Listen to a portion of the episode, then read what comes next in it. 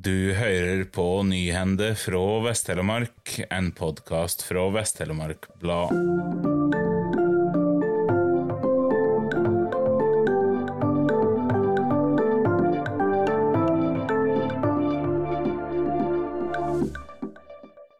Innbyggere og hytteeiere på Fjone er bekymra for framtida til ferja og kafeen på Fjonesundet.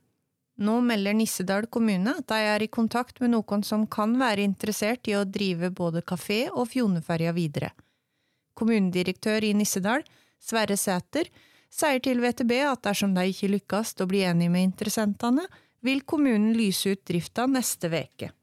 Statens vegvesen minner om at folk har ansvar for å klippe egne hekker og busker som går ut mot gang- og sykkelveier. De sier at den som eier eller disponerer en bostad tett på veien, har ansvar for at det er forsvarlig sikt. Prosjektleder i Statens vegvesen, Tor Skårland, minner om at det nærmer seg skolestart, og at mange skolebarn over hele landet snart skal ferdes langs gang- og sykkelveier.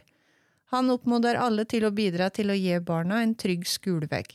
I år blir den tradisjonsrike Gaustadagen arrangert lørdag 19. august ved Gaustatoppen turisthytte for 20. gang. På programmet står skuespillerne Jeanne Bø. Hun kommer med prosjektet Ibsen på Norgestoppen. Et treårig samarbeid med DNT nasjonalt, der en får oppleve Henrik Ibsens forhold til fjellnatur og friluftsliv. Etterpå blir det minikonsert med sangartisten Symre Taugbøl Bang fra Morgedal med band, og hun vil runde dagen med vakre toner, melder arrangøren. Tusen takk for at du hørte på. Denne sendinga var produsert og presentert av Tone Tveit for Vest-Telemark Blad.